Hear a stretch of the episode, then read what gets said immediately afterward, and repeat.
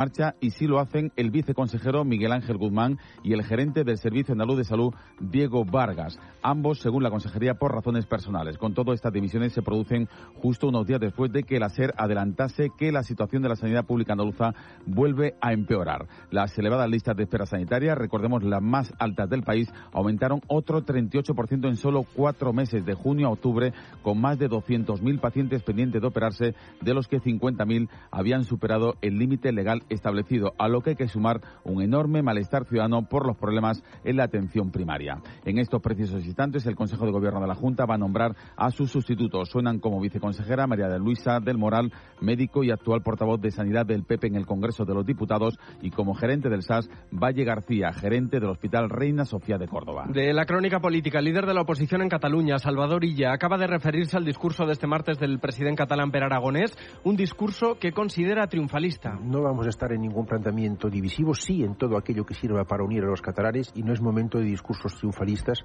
sí de reconocer un balance que no es bueno de estos últimos diez años en Cataluña y de trabajar para una financiación justa y acordada. Y es que Aragonés pedía anoche acordar de cara al año que viene un modelo de financiación singular para Cataluña. Hoy ya le dice que para exigir una nueva financiación debe sentarse en todos los órganos donde se negocie esa financiación.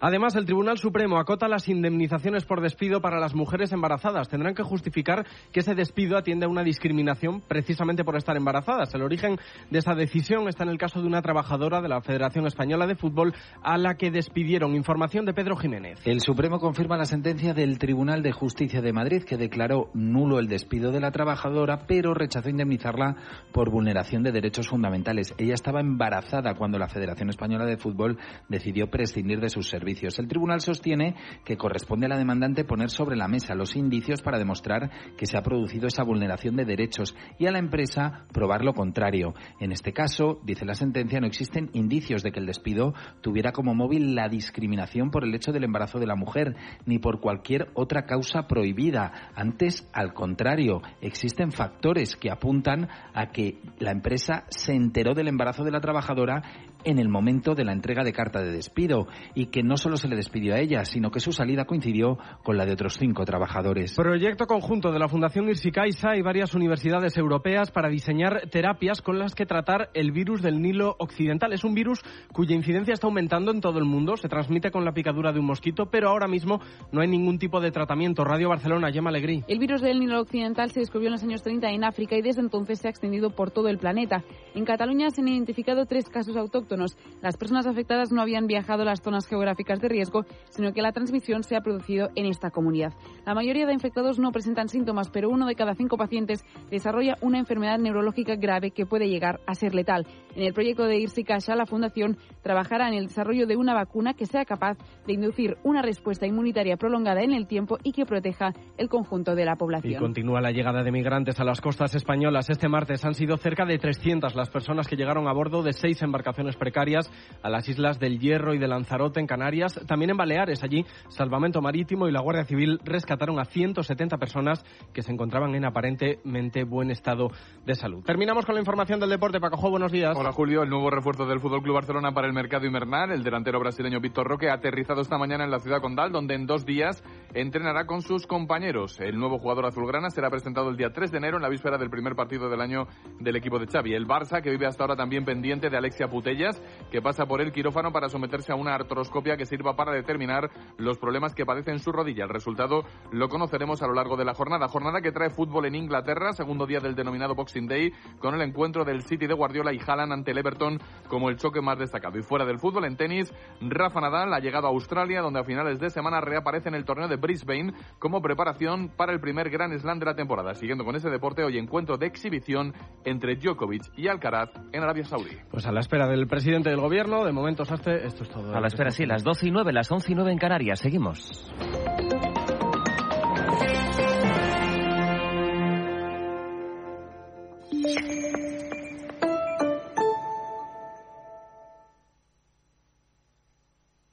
Tienes más hoy por hoy en nuestras redes sociales.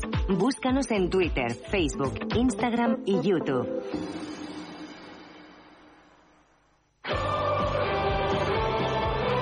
De lunes a viernes, desde las 3 de la tarde, tienes toda la información deportiva y el mejor análisis en Ser Deportivos, con Francisco José Delgado. Y todos los miércoles abrimos una ventana exclusiva.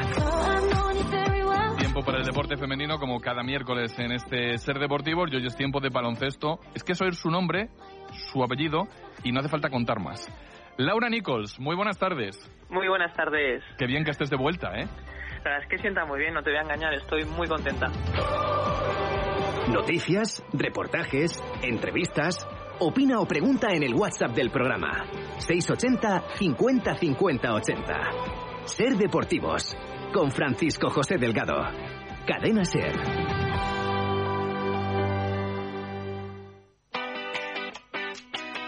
Ser Catalunya. La força de la conversa. Aquí comença el Que t'hi jugues amb Sique Rodríguez i Lluís Flaquer. El programa d'esports on t'ho expliquem tot. A Ser Catalunya. Tots són Lewandowski, li regala el gol Gavi. Gol! ¡Que la Arabia también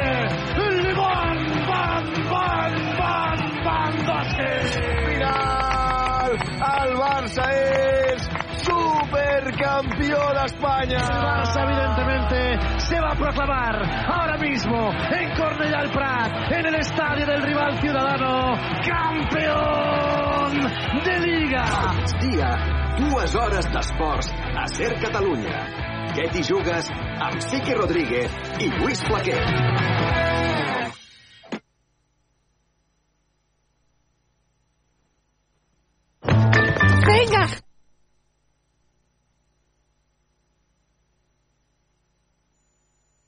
Ràdio Manresa. Catalunya Central.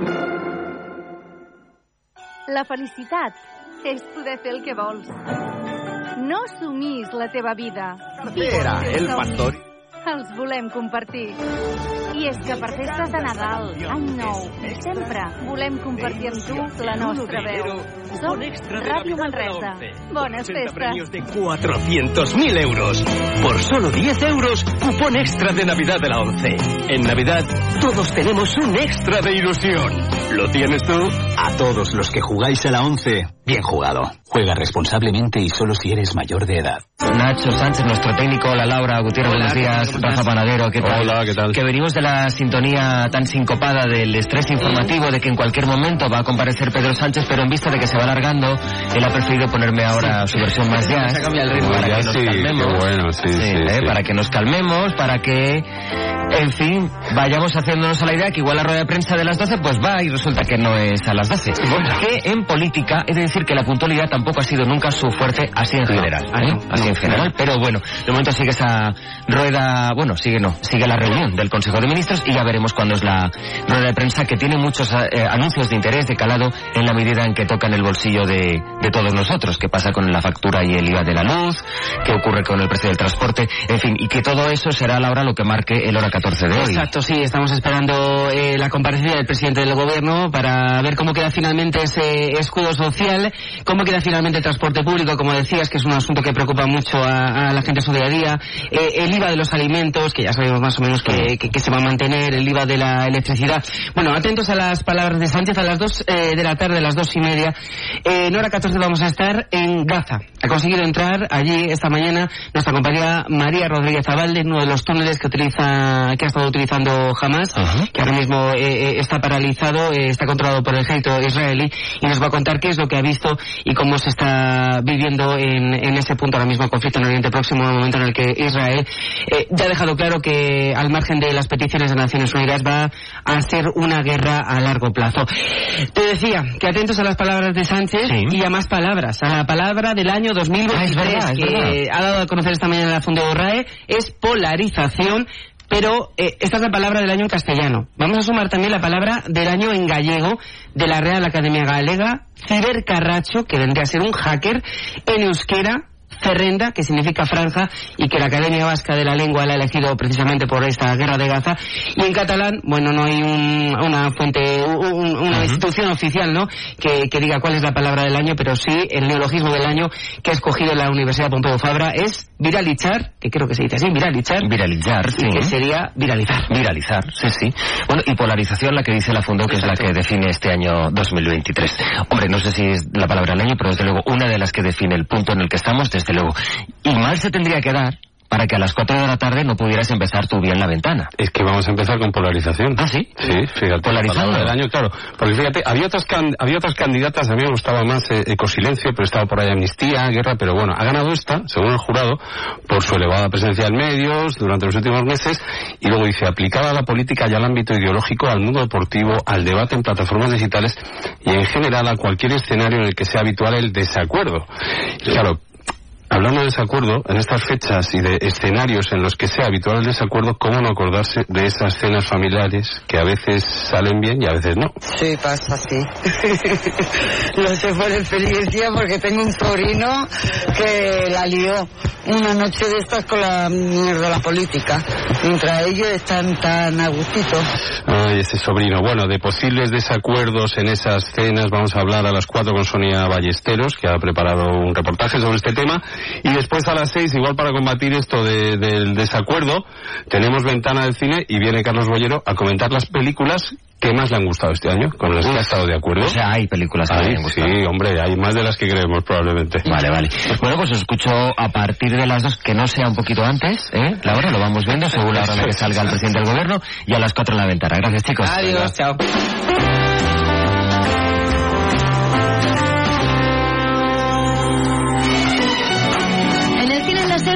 La lista de las mejores películas y series del año.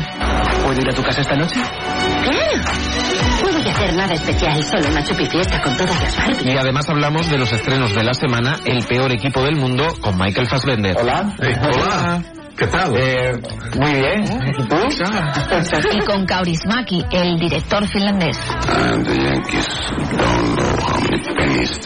A las 4 de la tarde, una hora menos en Canarias, especial El Cine en Láser, donde, ojo, repasamos también todas las entrevistas y nuestros grandes éxitos del año. Érase una vez un lobito bueno al que maltrataban todos los corderos.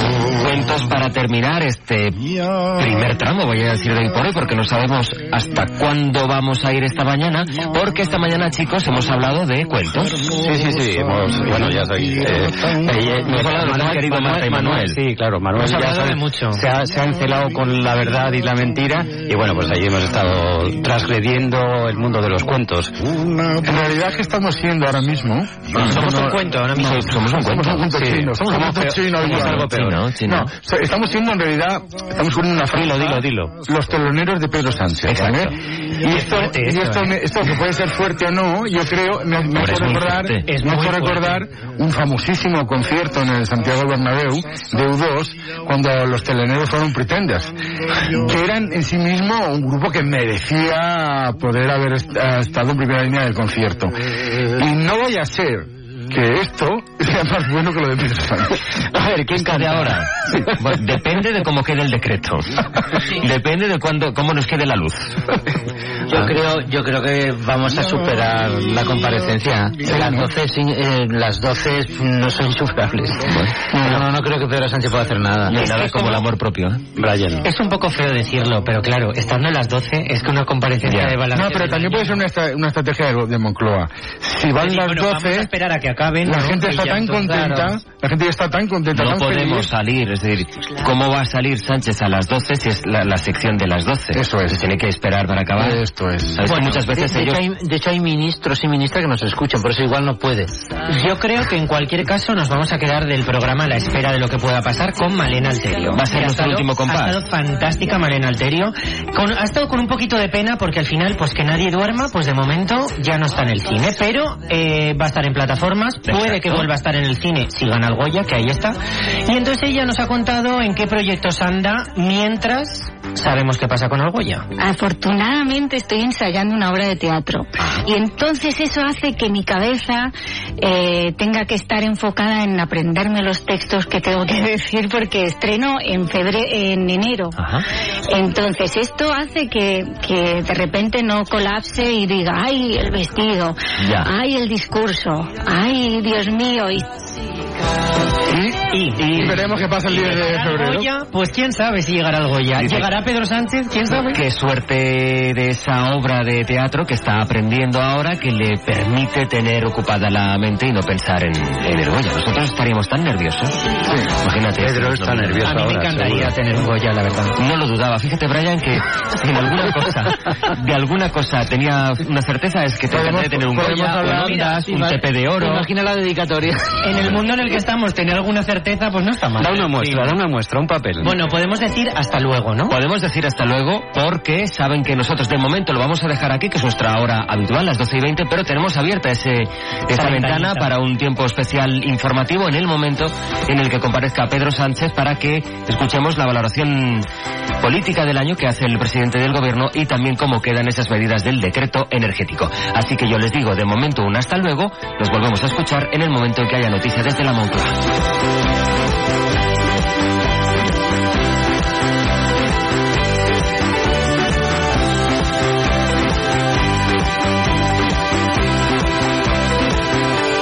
por hoy, con José Luis Sastre.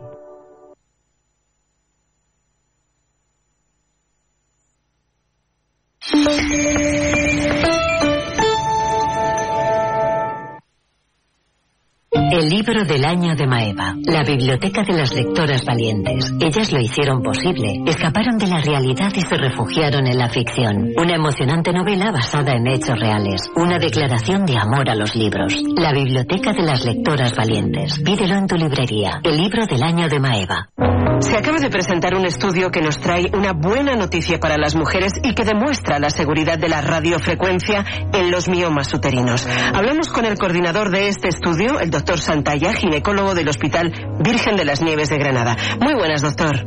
Hola, muy buenas tardes. ¿Cómo surge esta iniciativa? Bueno, pues esto surge eh, debido a que la radiofrecuencia es una técnica moderna y aquí en Granada estamos siendo el centro de referencia, formador de los distintos ginecólogos de España en esta técnica. Y bueno, es interesante cuando una técnica aparece, no solo que los resultados sean buenos, sino es muy interesante demostrar que los resultados son iguales entre los distintos ginecólogos que la hacen y entre los distintos hospitales donde se ofrece la técnica, que es reproducible, decimos nosotros. Ujú. En este estudio, como usted ha mencionado, multicéntrico, ¿cuántos han participado? Han participado un total de 10 hospitales, con un total de 20 ginecólogos diferentes. ¿Y cuáles han sido lo más importante, los resultados y conclusiones? Bueno, pues lo más importante es, por un lado, confirmamos que la técnica es muy eficaz en la reducción del volumen del mioma, que alcanza casi el 80% de su volumen al año después del tratamiento.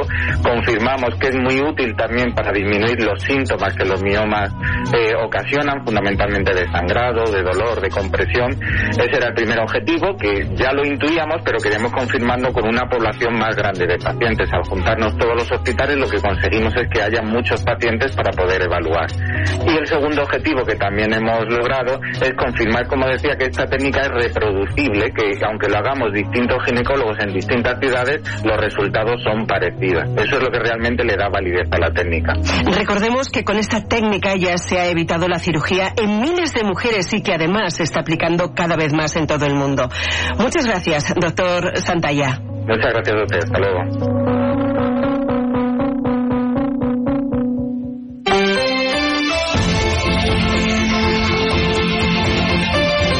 Hoy por hoy Madrid. Carlos Cala. ¿Qué tal? ¿Cómo están? Buenos días. A la espera de que comparezca el presidente del gobierno Pedro Sánchez después de la reunión del Consejo de Ministros, comparecencia de balance del año y en cuanto se vaya a producir, daremos paso a nuestros compañeros de informativos para escucharlo en directo. Mientras tanto, aquí en Madrid es noticia hoy la enorme afluencia de pacientes a los servicios de urgencias en varios hospitales. González buenos días. Buenos días. Servicios de urgencias saturados en muchos hospitales madrileños como el 12 de octubre o el de Fuenlabrada, entre otros. Sí, alertan de esta situación en urgencias hospitales como el Infanta Leonor, donde hay 66 pacientes pendientes de cama. En el Hospital Príncipe de Asturias también denuncian este desbordamiento y en el Hospital de Fuenlabrada hay ahora mismo 200 pacientes en consulta. Desde los sindicatos denuncian que esta situación es previsible y aún así se repite todos los inviernos. Ángela Hernández, secretaria general de AMIT. Los planes de invierno son insuficientes, los puestos de médicos ofertados son escasos y además nos llega desde urgencias hospitalarias que los que se ofertan no son cubiertos por nadie debido a las malas condiciones laborales. Son casos también como el del Hospital 12 de Octubre. Santiago Usez, enfermero de urgencias y delegado del sindicato MATS. Hoy por la mañana hay 48 personas donde debería haber 42. Estamos atendiendo prácticamente un 40% más de lo, de lo habitual. En zonas donde debería haber 42 pacientes hemos llegado a atender a 68 pacientes ayer mismo. Desde la Consejería de Sanidad solo indican que aunque es cierto que en el 12 de octubre hubo un nivel elevado de atenciones ayer, el problema se debe a que muchos pacientes deberían haber acudido a la atención primaria en vez de al hospital. Ujú. Por cierto, Irene, no sabemos si guarda relación con esto o no, pero hemos conocido esta mañana los datos de incidencia de la gripe en Madrid con un significativo aumento de casos en la última semana. Así es, se han notificado 6.133 casos en la penúltima semana del año. Son 2.700 casos más que la semana anterior, con una incidencia acumulada que ha pasado de los 50 casos por 100.000 habitantes a 90 en solo 7 días. El número de casos acumulados en esta temporada asciende a más de 14.500. Las incidencias más altas se observan en el grupo de 0 a 4 años y en el de 80 o más años de edad. Los expertos indican que se debe evitar el contacto con la población vulnerable si se padecen síntomas respiratorios. La vacuna para la gripe se sigue administrando en los centros de salud y puntos de vacunación de la comunidad hasta el 31 de enero. Irene González, gracias. Gracias. Y en Madrid no llegan a 1.500 las familias que han recibido hasta noviembre la renta mínima de inserción. Jiménez, buenos días. Hola Carlos, ¿qué tal? Muy buenos días. Cuéntanos qué está pasando. Bueno, pues mira, la Comunidad de Madrid sigue rebajando el número de familias en situación vulnerable a las que se ayuda con esa renta mínima de inserción. El informe de noviembre dice lo que se ha encontrado la diputada socialista Lorena Morales. Bueno, pues nos hemos encontrado que a 30 de noviembre la Comunidad de Madrid solo ha invertido en renta mínima 8 millones, cuando hace unos pocos años, en el 2018, invertían anualmente 167 millones.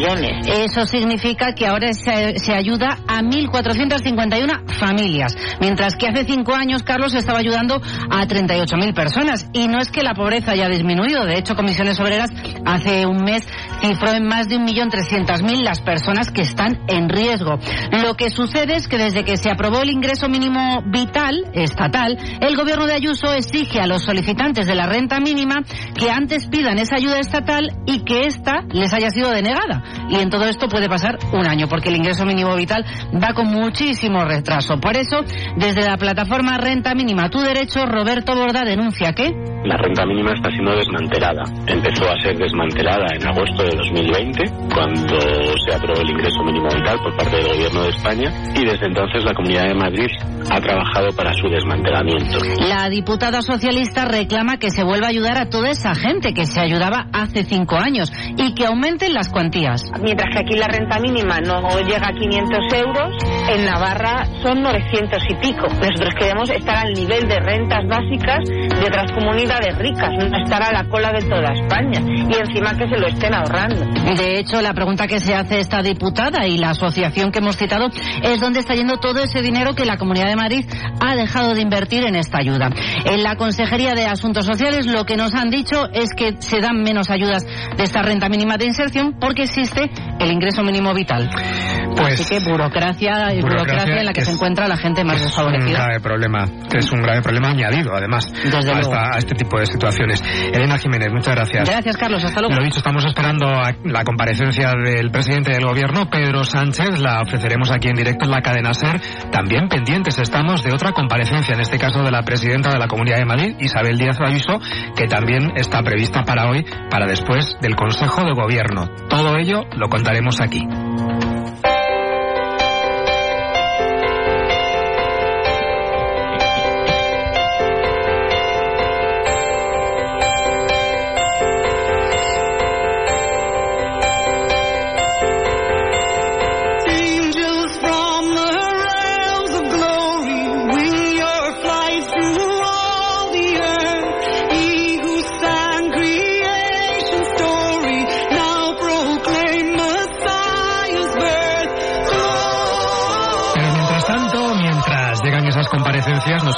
Continuamos con nuestro programa. Hoy por hoy Madrid, Dania Ibáñez, ¿qué tal? Buenos días, Carlos. Cada día un mercadillo y hoy, ¿cuál has elegido? Pues mira, hoy he elegido el mercadillo de Pop-Up Chic, especialmente el que hay en la calle Goya 23, porque tienen un especial de regalos de Navidad, para regalos, pues para regalar a nuestros seres queridos en Reyes, y también tienen puestos que se han especializado en ropa de fiesta, porque llega ya el fin de año y hay que vestirse acorde para ello, Claro, que toca. Entonces, para la gente que todavía no tenga un traje o un vestido, pueden ir a Pop-Up Chic en calle Goya 23 y mirar la ropa que tienen ahí. Yo, por, por ejemplo, no sé qué me voy a poner, la Pues verdad. mira, ahí tienes una buena opción para elegir, ¿no? Sí. Vamos a saludar a Rocío Padura, que es una de las socias creadoras de, de Papa Chic. Rocío, ¿qué tal? Buenos días. Hola, ¿qué tal? Muy, muy, muy bien, ¿vosotros? Pues encantados de saludarte. ¿Cómo es este, este mercadillo? Pues nosotros esta edición la hemos enfocado mucho a, ropa para la fiesta de fin de año y a los regalos de Reyes. Entonces puedes encontrar gran variedad, desde moda mujer en la que, bueno, pues te puedo destacar algunos productos estrellas que están siendo, por ejemplo, las chaquetas de mujer eh, con lentejuelas de diferentes colores. Eh, tanto en verde como en plata como en dorado, una cosa como muy festiva, se está vendiendo muchísimo. Luego también las faldas a juego también de lentejuelas, eh, mucha falda larga. El color estrella para fin de año sigue siendo el negro.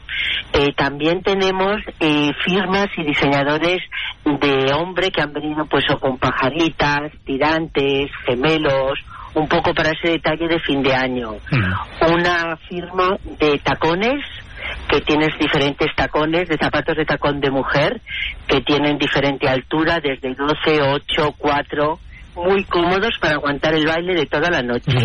Eso es importante.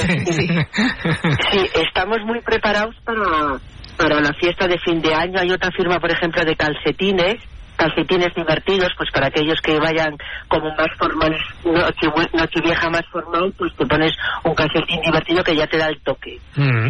Oye, Rocío, luego- ¿cómo, cómo se os ocurrió crear Papa Chic? Pues fíjate, llevamos ya 12 años, las tres mismas socias que empezamos, y fue una idea como esporádica, te diría, porque el momento, en aquel momento había eh, mucha crisis económica, nosotros venimos del mundo del diseño y teníamos mucho contacto con diferentes firmas y expositores y diseñadores que estaban buscando plataformas de venta. Y a raíz de ahí, pues decidimos, fuimos creciendo, evidentemente empezamos poco a poco, una vez al mes, dos veces al mes, y luego ya eh, tenemos puntos de venta permanentes, que estamos todo el año, en donde cada semana se envían los expositores y las firmas, y, y bueno, pues eh, fuimos creciendo poco a poco. De hecho, el- eh, Rocío, los pequeños emprendedores se pueden poner en contacto con vosotras para poder eh, ir, o sea, estar en Pop-Up Chic y vender sus, sus diseños, etcétera, ¿no? Sí, nosotros eh, arropamos mucho a ese tipo de, de empresarios que, eh, que van naciendo y entonces eh, a través de Pop-Up Chic ellos tienen como una ventana abierta al público para testar sus productos. Entonces alguna persona, pues yo que sé, que esté lanzando a lo mejor una firma de camisetas o sudaderas eh, que quieran testar a ver si su producto gusta y cuál es el que más funciona. Pues a través de Pop-Up Chic tienen como una posibilidad de estar en un local en la calle y que les vea mucha gente durante una semana, dos o tres, lo que consideren, y así también se hacen un poco de idea de eh, la respuesta que tiene el producto de cada uno. Luego también tenemos mucho expositor de venta online que de repente, de manera esporádica, quiere tener una ventana para recibir a sus clientes de, de forma presencial. Luego tenemos firmas que hacen outlets o luego tenemos pues diseñadores que diseñan para pop-ups. Entonces se quedan ya como de forma más permanente. Bueno, es una fórmula que la verdad eh, ya está muy reconocida, muy establecida y está funcionando muy bien pues para pequeños eh, empresarios. Y ahora mismo, eh, Rocío, ¿dónde podemos encontraros? ¿Cuáles van a ser los, Pues mira. los siguientes Pop-Up Chic? Nosotros estamos en estos momentos en campaña de Navidad Entonces, eh, tenemos tres locales, que es eh, el de Goya 23, que es donde podéis encontrar todos estos productos que os estaba explicando. Luego también estamos en Velázquez 36 y en el Centro Comercial de la Moraleja Green, que ahí tenemos también un pop-up eh, muy dirigido más al mundo infantil y al regalo de los Reyes Magos. Por ejemplo, hay una firma que viene con muñecas que eh, es la misma muñeca pero con diferente color, el pelo castaño, rubio, azul, moreno, que la acompañan de olor. Entonces cada muñeca lleva su olor de, de una colonia pequeñita con un olor que siempre es muy dulce. Interesante. Y bueno, tiene mucho éxito entre las niñas pequeñas. Rocío Padura, socia creadora de Popa Chic, muchas gracias por acompañarnos en el Por Gracias a vosotros. Felices Muchas fiestas. Gracias, Tania. Gracias a ti. Las 12 y 34, una pausa y continuamos con más Hoy por Hoy Madrid. Hoy por hoy Madrid. Carlos Cala. Una pregunta. ¿Hasta cuándo podemos decir feliz año? En Nochevieja, obviamente. Y hasta Reyes, sin problema. Pero decir feliz año a finales de enero es forzar mucho. Y en febrero está fuera de lugar. Pues no, porque al fin y al cabo desear un buen año debería estar permitido siempre. 6 de enero, sorteo del Niño de Lotería Nacional con 770 millones en premios. Arranquemos el año con toda la ilusión del mundo. Loterías te recuerda que juegues con responsabilidad y solo si eres mayor de edad. Cuando solo escuchas tu voz, no escuchas al mundo. Hora 25. Más puntos de vista, más voces, más plural. De lunes a viernes con Aymar Bretos. Cadena Ser.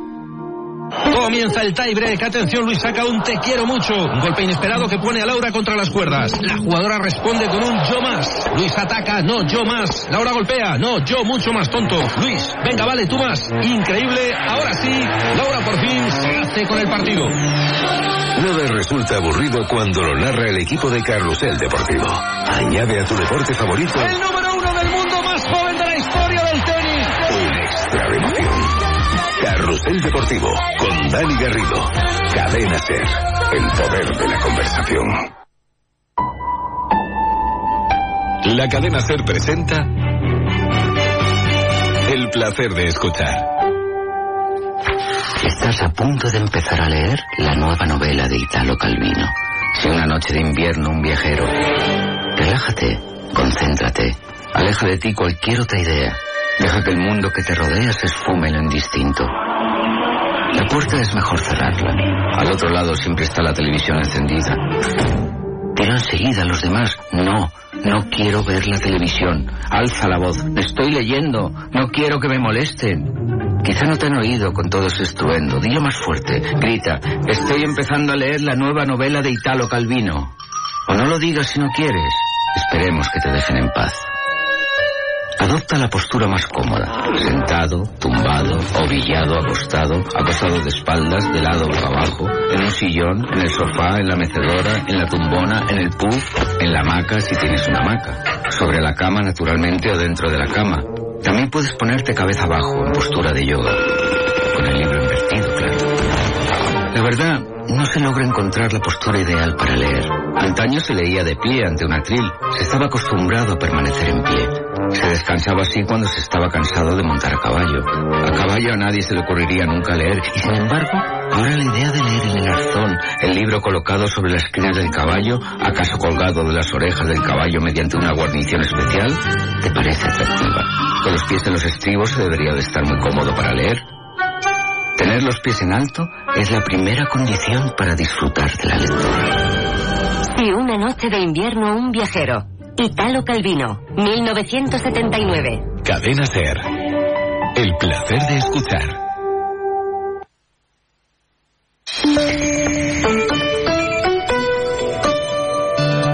Mes chers amis, je suis en fête. Voisins, mon cher facteur, je vous laisse enfin une lettre que vous lirez tout à l'heure. On va pas se mentir cette fois, pour la dernière, je veux être clean. C'est le cœur libre que je vous quitte, sans grand discours et sans émoi. Je laisse tomber, j'abandonne, je largue tout, je pars devant. À vrai dire, je me trouvais morne, un peu pervers, un peu navrant. Ce n'est pas pour vous fâcher, et entre nous ça change à rien. Mais je m'en vais déserter, je pars voyager avec mon chien. Demain de bon matin, je pars seul sans escorte. J'irai sur les chemins,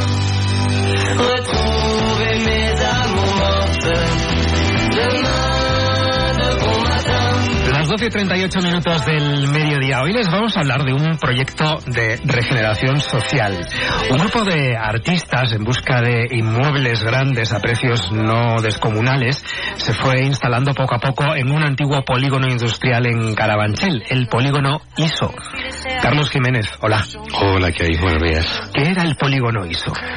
Pues el polígono ISO era un antiguo polígono industrial de Madrid, de los primeros que se hicieron de los años 50. Y bueno, el ISO viene de, ahí estaba la fábrica en donde se producía el isocarro, un motocarro de tres ruedas. Bueno, esos vehículos que recordaremos, los que ya tenemos cierta edad, yo los recuerdo de haberlos visto por las calles de mi pueblo, ¿sí? Sí. Entre otros, el panadero llevaba un isocarro repartiendo el pan. Sí, sí, sí. Y nada, y bueno, pues el polígono también se especializó en artes gráficas y confección. Y bueno, pues hasta los años 90 estuvo funcionando. Y luego ahí, a partir de los años 90, empezó a transformarse hasta el día de hoy. Ujú. Pilar Balsalobre, ¿qué tal? Hola, ¿qué hay? Bienvenida también a, a Hoy por Hoy Madrid. Con Carlos formáis parte del colectivo Fotoalquimia. ¿Desde cuándo estáis situados en, en ese polígono? Bueno, Carlos y yo llevamos desde que fundamos nuestro estudio, desde el 2006 que fue cuando surgió nuestro primer proyecto juntos y fue cuando empezamos a buscar un espacio en el que pudiéramos llevar a cabo una producción de una de nuestro primer proyecto que era una exposición itinerante y necesitábamos un espacio que reuniera esas condiciones diáfano eh, grande a pie de calle o con portón o con montacargas entonces yo conocía un poco esta este lugar porque bueno soy de Carabanchel Ujú. pero en concreto esta zona, este antiguo polígono industrial ya lo conocía porque había salas ensayo en las que yo ensayaba, había un estudio de dibujos animados en el que estuve trabajando y estaba lleno esta zona de, de locales en alquiler, era cuando el polígono estaba un poco en decadencia de su antiguo uso. Entonces nada, encontramos un espacio, llevamos a cabo la, la producción de esta exposición y bueno, luego decidimos buscar otro espacio en el que quedarnos y llevamos allí pues como unos 12 años o así.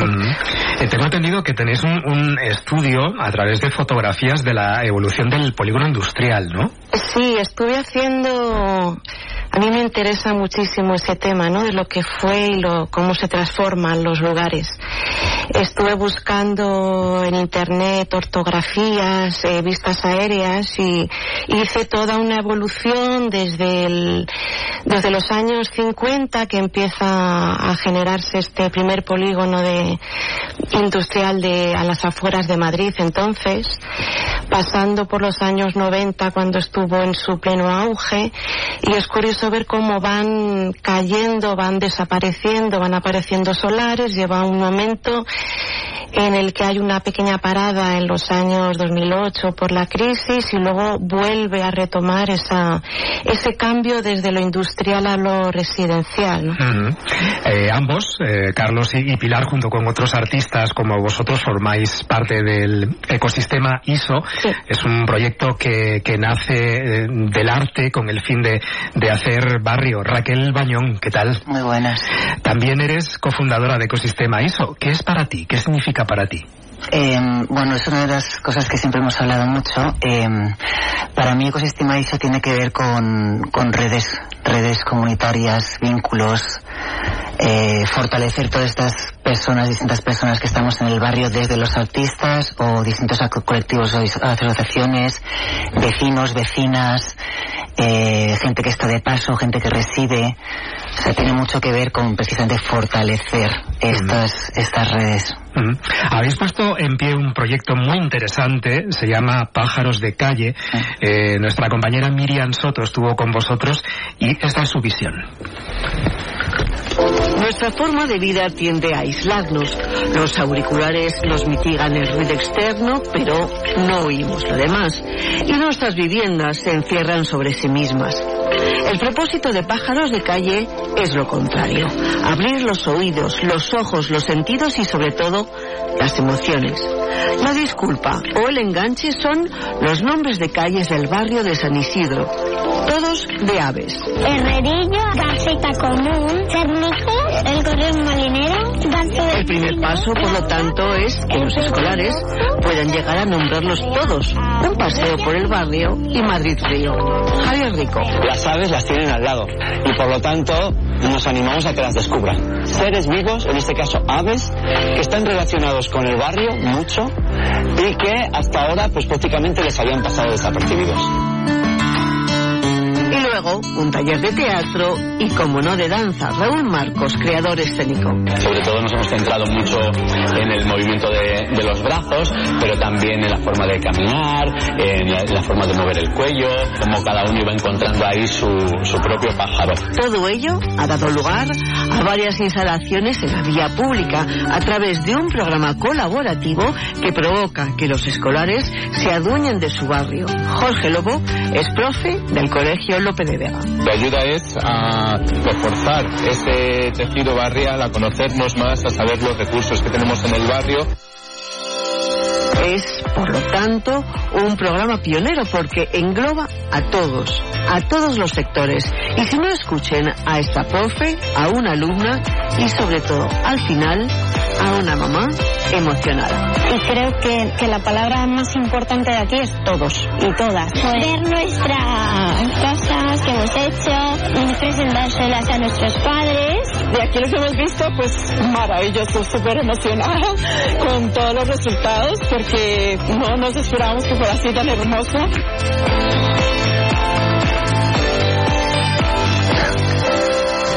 Este proyecto eh, te ha hecho mucha gracia. Escuchar a los niños otra vez. Os, os lo quiero preguntar a los tres. Este, este proyecto, mm, ¿con qué finalidad surge? ¿Cómo nace? Bueno, pues nace en Ecosistema ISO lo que hemos tratado, tratamos de, de diseñar proyectos piloto en donde podamos relacionar todas las realidades que hay, que hay en el barrio. Surgió también eh, muy en línea con la Agenda 2030, con esas estrategias para poder transformar un barrio desde la sostenibilidad. Entonces, bueno, pues este proyecto era un poco ligar a escolares, pero a la vez ligar a los padres, ligar a los vecinos a través de, del mundo de las aves y luego a través del mundo de las aves desde muchas ópticas, no quedarnos únicamente en la ornitología, que es lo clásico, sino pasar, o sea, que el niño, aparte de, de potenciar la curiosidad por el mundo de las aves, eh, la identificación, pues que se sienta como un ave, que baile como un ave, que se invente un ave, que pinte, que haga una escultura, que digamos es como un programa muy holístico en, en- dentro de lo que es eh, un proyecto educativo de corte medioambiental. Eh, no, una de las cosas que más, eh, que como finalidad, que también lo hicimos no buscando a lo mejor eso como per se la finalidad, pero obviamente somos un colectivo que está muy volcado en, en incentivar, ¿no? Mover un poquito la participación ciudadana y yo con lo que más me quedo realmente es cuando los chavales después de, pues de participar en todos estos talleres eh, se encontraban con que su trabajo estaba colocado en el barrio, podían caminar, podían pasear, podían verlo con sus padres, enseñárselo a sus abuelos, a sus tíos, a sus colegas y, y se- y sentían ¿no? que, que el barrio era suyo, o sea que lo habían embellecido y que aparte ellos podían ¿no? afectar en él y que era su espacio público. A mí eso me parece eh, increíble como influencia o, o impacto. Mm, Es el proyecto que, que dio sus frutos por fin ya el pasado 3 de diciembre en la calle, como hemos oído a, a nuestra compañera Miriam. Ahora vamos a hablar de ello. Se lo, eh, se lo presentasteis al Ayuntamiento de Madrid en varias ocasiones y por fin el año pasado os hicieron caso, ¿no? Sí, nos, nos llamaron y nos dijeron, oye, adelante con el proyecto. eh, eh, lo presentamos como un proyecto piloto. eh, una de las cosas de, de Polígono ISO y de Ecosistema ISO es utilizar el polígono pues un poco como un laboratorio de, de ensayos, ¿no? Este tipo de programas eh, no son muy comunes y bueno, pues la idea con el ayuntamiento era, mira, vamos a, a generar este proyecto piloto, vamos a echarlo para adelante, lo probamos en el polígono ISO, en el polígono ISO hay 7 nombres con calle, o sea, con nombres de, de pájaro, ¿no? Y vemos qué tal funciona. Si funciona bien, podemos seguir. Carabanchel tiene 40 calles con nombre de pájaro. El proyecto puede seguir por toda la, el distrito de Carabanchel. Pero bueno, luego puede haber otros proyectos con nombres de de otras cosas. bueno, ¿y qué, qué fue lo que pasó el día 3? De diciembre. El día ¿Qué 3 de- hicisteis? El día 3 de diciembre hicimos una, como un pasacalles, ¿no? Un- una presentación para que los familiares de esos escolares que habían participado en estos talleres eh, pudieran ver cómo las calles de su barrio y cómo eh, todo su trabajo había dado ese fruto, poder presentarlo a sus padres, ¿no? Con, con la ilusión de sentirse también ellos artistas y, y partes de ese cambio que ha tomado el barrio con estas instalaciones que aún, que aún continúan. Continúan, decíais, ¿no? Sí, Porque sí, llevan sí. ya un mes y ahí siguen, ¿no? Ahí siguen sí. y seguirán, seguro. ¿Y cómo ha respondido la gente? ¿Cómo ha respondido el barrio? Em, bueno, estamos todavía recibiendo, porque claro, hacemos mucho trabajo de evaluación, nos encanta la metodología de la evaluación. Eh, a priori, obviamente, padres, profes, el director del colegio, pues todas las partes involucradas directamente en el proyecto, pues con muchísima alegría, sobre todo mucho entusiasmo y mucho agradecimiento por formar parte del proyecto y de que realmente, pues el barrio, o sea, que sientan que es suyo. Entonces, eh, hay mucha emoción. De hecho, en, en el vídeo que, que grabamos había un par de entrevistas de un par de madres, pues lo que comentaban antes, bien, pues muy emocionadas.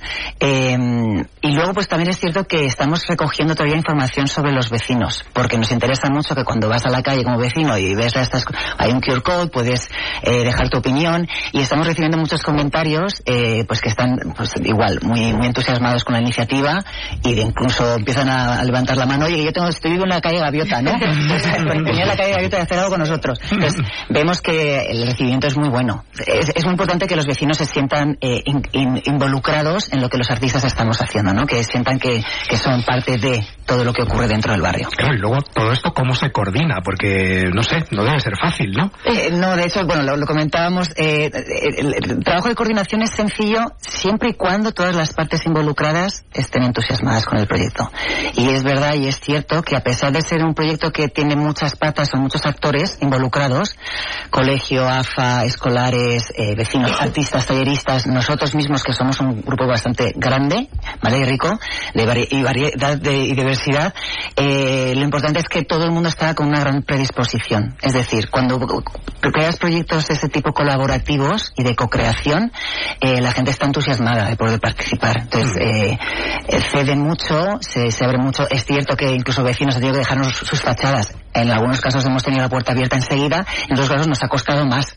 Y en otros casos hemos tenido hasta negativas. Pero bueno, es normal hasta que te acabas de conocer, ¿no? Esto es como salir. Pues te conoces, te pones el nombre, pero luego pues te caes bien o te caes bien, pues vamos viendo, nos vamos conociendo. Pero no es lo que estamos haciendo, o sea, hacer un, un barrio. A mí me parece gracioso eso de fuimos a desordenarles la vida. Ah, es verdad.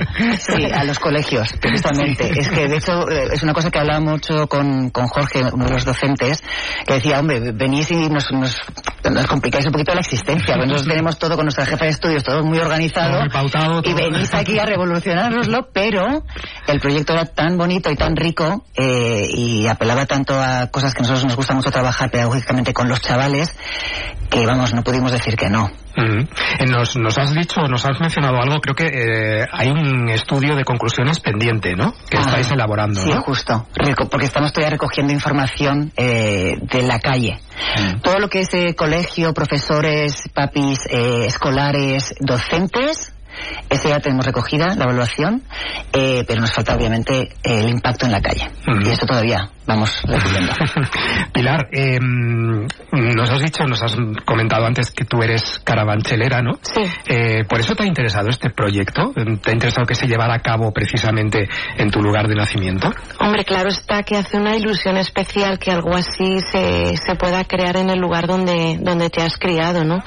Y mucho más interesante también, habiendo visto cómo ha ido evolucionando eh, el barrio, ¿no? Desde hace tantos años, el ver que ahora pueda volver a retomar esa vida de pues lo que hablamos de poder eh, pensar y creer en los espacios públicos como, como parte de, de, lugar de expresión de una comunidad. Yo creo que eso con el paso de los años va, se va perdiendo, cada vez estamos en comunidades que se crean más encerradas en sí mismo, igual que los nuevos modelos constructivos que, que se quedan encerrados dentro de, en torno a un lugar en el que ya no hay espacio común, todo eso que yo he ido viendo cambiar en, en mi barrio en este, en estos momentos, yo creo que es interesantísimo poder darle otra vez esa, esa opción a poder volver a abrir y conectarse, ¿no? Mm. Estamos hablando de este proyecto maravilloso, Pájaros de Calle, con Pilar Balsalobre, Raquel Bañón y Carlos Jiménez. Vamos a hacer una pequeña pausa y enseguida continuamos. Hoy por hoy Madrid. Carlos Cala. Antes de someternos a una intervención de cirugía estética hay que pensárselo dos veces, y más si se realiza en el entorno de nuestros ojos. Le vamos a preguntar a la doctora Andrea Sales, jefe de sección de oculoplastia en Clínica Rementería, uno de los centros oftalmológicos de referencia en nuestro país. ¿Qué tal, doctora? Buenos días. Buenos días. Vamos a hablar de intervenciones de blefaroplastia. Vaya nombrecito, ¿eh? Dicho así, Virginia, suena muy técnico, pero si hablamos de una cirugía para corregir los párpados caídos o para quitar las bolsas grasas que aumentan en la ojera con la edad, seguro que nuestros oyentes lo entienden mejor. Ah, sí, sí. ¿Y en qué consiste esta operación? Es una cirugía poco invasiva que no requiere hospitalización. La realizamos en los quirófanos localizados en la propia clínica Rementería y el paciente se va a casa tras la intervención.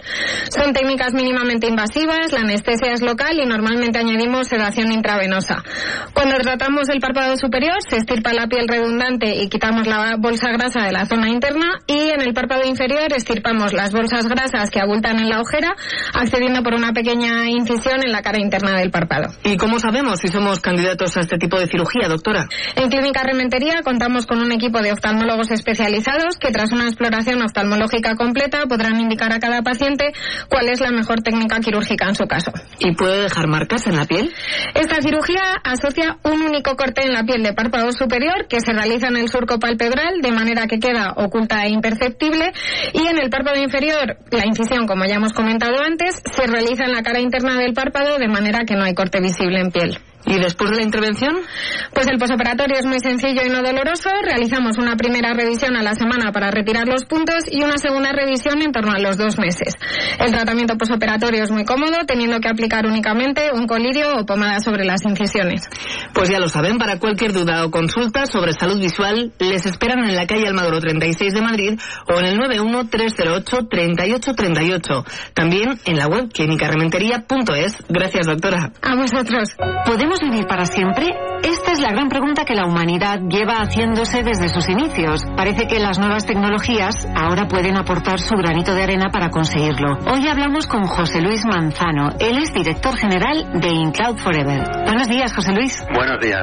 Bueno, antes de nada, ¿qué es InCloud Forever? Mira, cada uno de nosotros somos una historia que vamos escribiendo a lo largo de toda nuestra vida. Una historia compartida que habla de logros, de aprendizajes, de momentos y de recuerdos. Pues InCloudForever.com es la biblioteca infinita de todas esas historias. Las que vivimos, la de nuestros seres queridos, la de aquellos que nos acompañan durante nuestra vida. Es el lugar donde guardar los momentos importantes, aquellos que nos hacen ser como somos, aquellas lecciones de vida que hemos aprendido durante nuestro paso por este mundo. Es eh, para el lugar donde, bueno, dejar nuestro legado personal, nuestra historia o la de nuestros seres queridos, para que no se pierdan con el tiempo y hacerlas inmortales.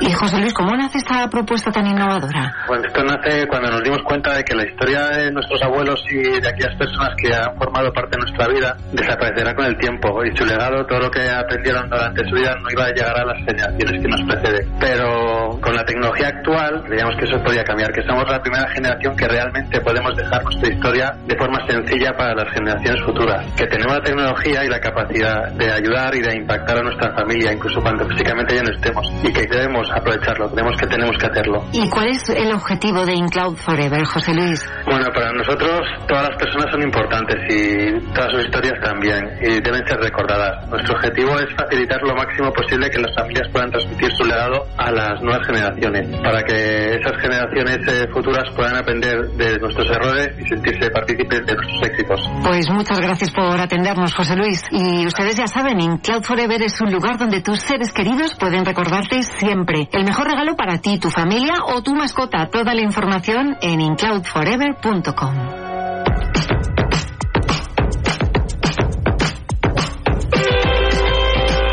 seguimos en Hoy por Hoy Madrid y estábamos hablando antes de ir a la publicidad con Pilar Balsalobre, Raquel Bañón y Carlos Jiménez, miembros de Ecosistema ISO, de este proyecto fantástico Pájaros de Calle en Carabanchel. Eh, yo quería preguntaros, eh, antes de, de despedirnos, ¿esto es un proyecto que queréis exportar a otras zonas de Madrid o a otras zonas de, de Carabanchel o es algo que se hizo pensando solo por y para ese lugar concreto? Hombre, eh, precisamente lo hicimos en este lugar, en el polígono, en este laboratorio, para probar qué tal, qué tal iba a funcionar y en vista a lo que estamos viendo, la idea es continuar con el proyecto, en principio, por todo Carabanchel. Tenemos 34 calles más con nombre de pájaro para seguir con el proyecto. o sea que hay vida, es un proyecto que tiene vida. Sí, y de hecho muchos vecinos ya fuera de lo que es el polígono nos están comentando de pues de fachadas que tienen y de que el, de que el proyecto se empiece a expandir por, por todo Carabanchel. Pues Carlos Jiménez, Raquel Bañón, Pilar Balsalobre, miembros de Ecosistema ISO, gracias por venir, enhorabuena por este proyecto tan interesante, tan precioso para Carabanchel y para Madrid. Gracias. Muchas gracias a vosotros. Vamos ahora a las noticias, llegamos a la una. Veremos qué pasa con la comparecencia del presidente del gobierno, Pedro Sánchez, nos lo contarán ahora nuestros compañeros de los servicios informativos. Después, si no hay novedad, continuamos con más Hoy por Hoy Madrid.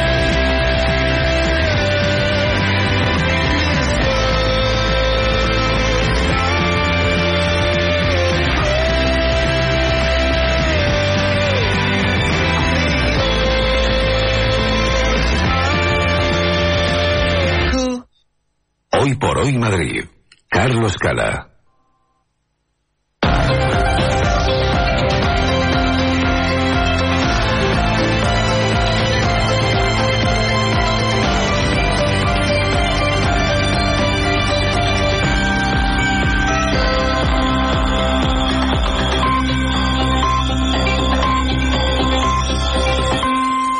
Es la una, son las 12 en Canarias. Pendientes de la rueda de prensa de balance del curso político del presidente del gobierno. Pedro Sánchez tenía previsto comparecer a partir de las 12. De momento no ha salido el presidente. Se ha alargado la reunión del Consejo de Ministros, de la que saldrá la prórroga de la mayor parte de las medidas anticrisis del gobierno. Reunión, eso sí, Guillermo Lerma, que ya ha terminado. Sí, la rueda de prensa del presidente del gobierno estaba prevista para las 12 del mediodía, pero el debate en el seno del gobierno sobre las medidas que afectan a las empresas energéticas ha retrasado el final de esa reunión del Consejo de Ministros y la posterior comparecencia de Pedro Sánchez. Ha habido diferencias entre el PSOE y Sumar en este punto, según informan fuentes de la negociación. El Ejecutivo tiene que decidir cómo adapta a partir